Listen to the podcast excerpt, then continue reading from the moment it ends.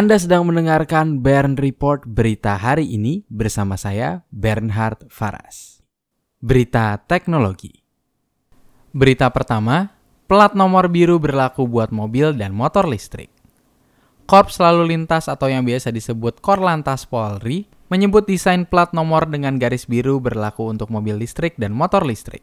Peraturan ini tertuang dalam keputusan Kepala Korlantas Polri nomor 5 tahun 2020.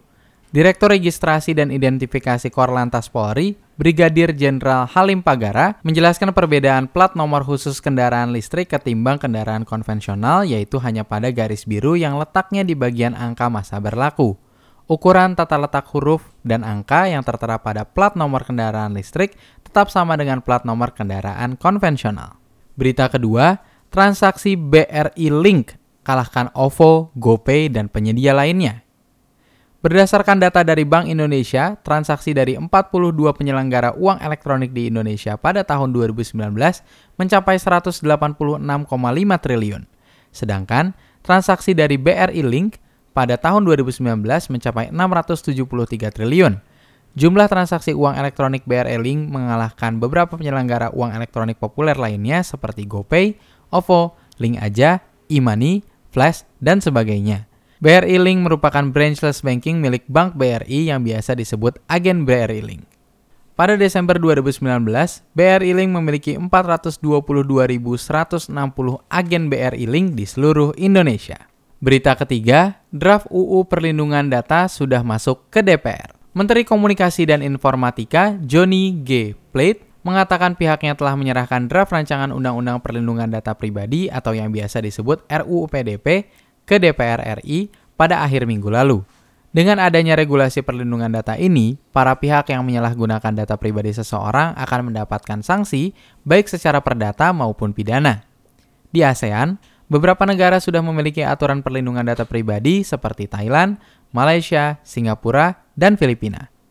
Berita keempat, Microsoft meluncurkan pembaruan sistem operasi Windows 7. Microsoft kembali mengirimkan update versi KB45353110 ke Windows 7. Pembaruan terbaru ini bertujuan untuk memperbaiki bug penggunaan wallpaper yang ditemukan pada pembaruan terakhir Windows 7 pada Januari 2020 lalu. Pembaruan ini merupakan hal yang memalukan karena Microsoft telah menghentikan sepenuhnya dukungan kepada Windows 7. Seperti diketahui, Microsoft telah menghentikan dukungan pada Windows 7 sejak tanggal 14 Januari 2020. Berita kelima, Xiaomi punya fitur deteksi penyebaran virus corona. Xiaomi baru saja mengumumkan fitur tambahan pada aplikasi Xiao AI Shortcut bernama Real Time Pneumonia Epidemic. Fitur tersebut dibuat dengan basis artificial intelligence atau yang biasa disebut AI untuk memudahkan pengguna mendapatkan informasi terbaru tentang virus corona. Pengguna ponsel Xiaomi juga bisa melakukan perintah suara untuk mengaktifkan fitur ini hanya dengan mengatakan real time pneumonia epidemic ke ponsel. Berita ke-6, Battle of Satria Dewa, game Mobile Legend Indonesia akan segera diluncurkan. Battle Satria Dewa merupakan game bergenre multiplayer online battle arena atau yang biasa disebut MOBA dan menawarkan gaya brawler. Game ini akan berfokus pada team fight dan tidak akan ada leveling grinding. Game ini akan digarap oleh Bank Idea Indonesia dan akan bekerja sama dengan salah satu pengembang game Semisoft dan perusahaan animasi Lumine. Selain itu, game ini mengadopsi unsur cerita serta karakter dari Jagat Satria Dewa yang juga akan diproduksi menjadi sebuah film. Terima kasih sudah mendengarkan Bern Report berita hari ini.